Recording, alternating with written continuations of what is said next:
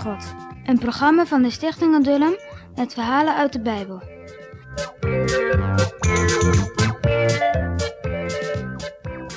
Eindelijk, na jaren van rondtrekken, mogen ze naar het beloofde land. Mozes is oud en moe geworden. Hij heeft niet meer de kracht om zijn volk te leiden bij de verovering van Canaan. Dat mag de dappere Jozua doen. En Mozes mag uitrusten bij God. De grens die ze over moeten is de rivier de Jordaan. Deze staat ver buiten zijn oevers, doordat er zoveel regen gevallen is de laatste tijd.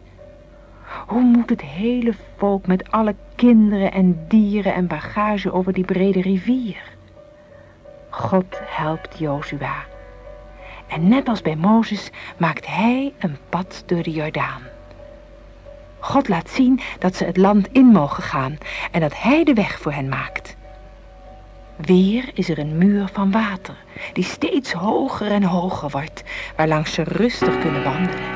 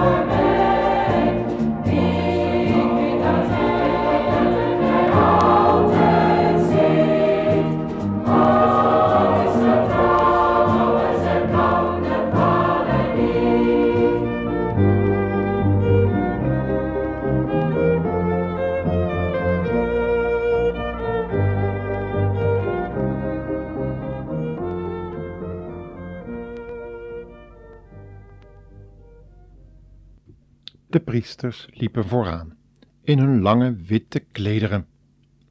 Ja, maar ook daarachter kwamen de mannen, vrouwen en kinderen, de schapen en de koeien. En wat gebeurde er toen? Nog maar even zetten de priesters hun voeten in het water, of plotseling hield het op met stromen. Het bleef dus staan, zoals je gehoord hebt. Het werd een muur van water priesters liepen door tot in het midden, waar de rivier het diepste was. Op hun schouders droegen zij de gouden ark. Dat was eigenlijk het belangrijkste. Terwijl ze daar bleven staan in het midden van die rivier, liepen de mensen en de dieren verder, langs hen heen naar de overkant. En niet één bleef erachter, niet één verdronk, zelfs geen schaapje.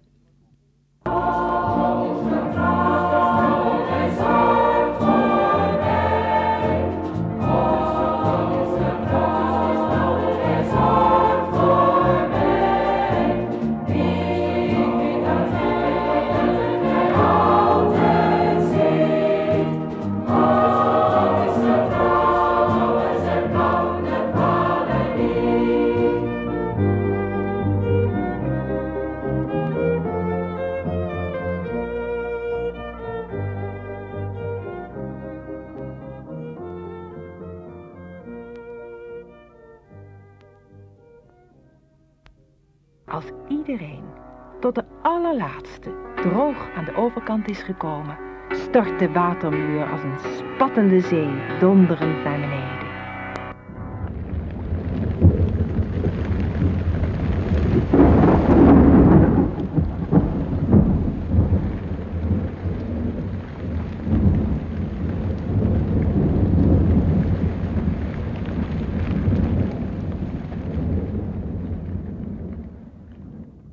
Nu zijn ze eindelijk in het beloofde land.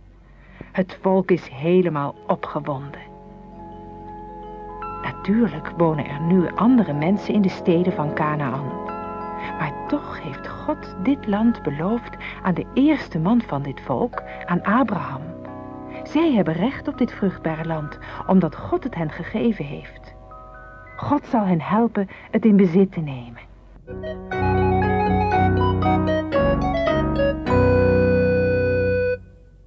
Toen ze allemaal aan de overkant stonden, waren de priesters nog op hun plaats, in het midden van de rivier. Toen zei de Heer tot Jozua, uit elke stam moet één man een steen opnemen.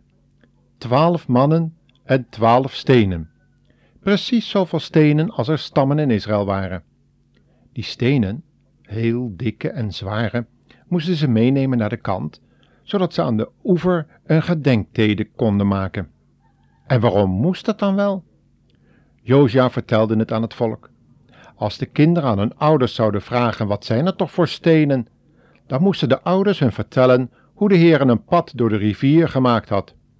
Ze mochten nooit vergeten dat de Heere hen in Canaan had gebracht. Dat hij allemaal dat voor de voorouders had gedaan en omdat hij het hun beloofd had. In de rivier zelf liet Josia ook twaalf stenen opstapelen op de plek waar de priesters nu stonden. En toen de stenen opgestapeld waren, gingen de priesters ook naar de overkant. Nu waren ze dan eindelijk in het beloofde land. Ah, dat had lang geduurd. Veertig jaar in die woestijn, dat valt niet mee. En de ouders waren bijna allemaal in de woestijn overleden. Het was dus eigenlijk een heel jong volk, wat daar in het beloofde land stond. Tenminste, ja, nog niet helemaal natuurlijk. Ze waren nu wel uit die droge, hete woestijn, maar ze moesten nog heel wat werk verzetten. Ze waren nu wel in een land waarop alles volop was: water, brood, groenten, vruchten, melk en honing. Maar eh, hoe zit het nou met die inwoners die daar waren? Het pad door de rivier de Jordaan was er nu niet meer. Het water was weer teruggestoomd. Dat hebben jullie gehoord. Alles was weer net als vroeger. Ze prezen God voor al zijn goedheid. En uh, denk eraan, zei Josia, het is de Heere die jullie over dat droge pad door de Jordaan deed gaan. Vergeet dat nooit, net als hij dat bij de Schelfzee deed, hè? En de vijanden in Canaan beefden toen ze het hoorden. In Jericho, een stad vlakbij, daar sloten ze de poorten en ze zetten wachters op de dikke, dikke muren. Maar Daarover horen we een volgende week. Nu is het de tijd voor de quizvraag. Luister maar weer.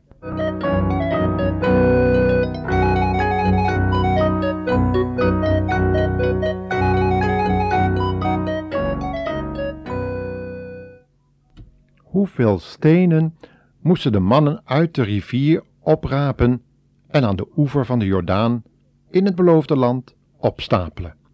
Dus nog een keer, hoeveel stenen moesten de mannen uit de rivier meenemen, oprapen en aan de oever van de Jordaan weer opstapelen? Nou, succes hè!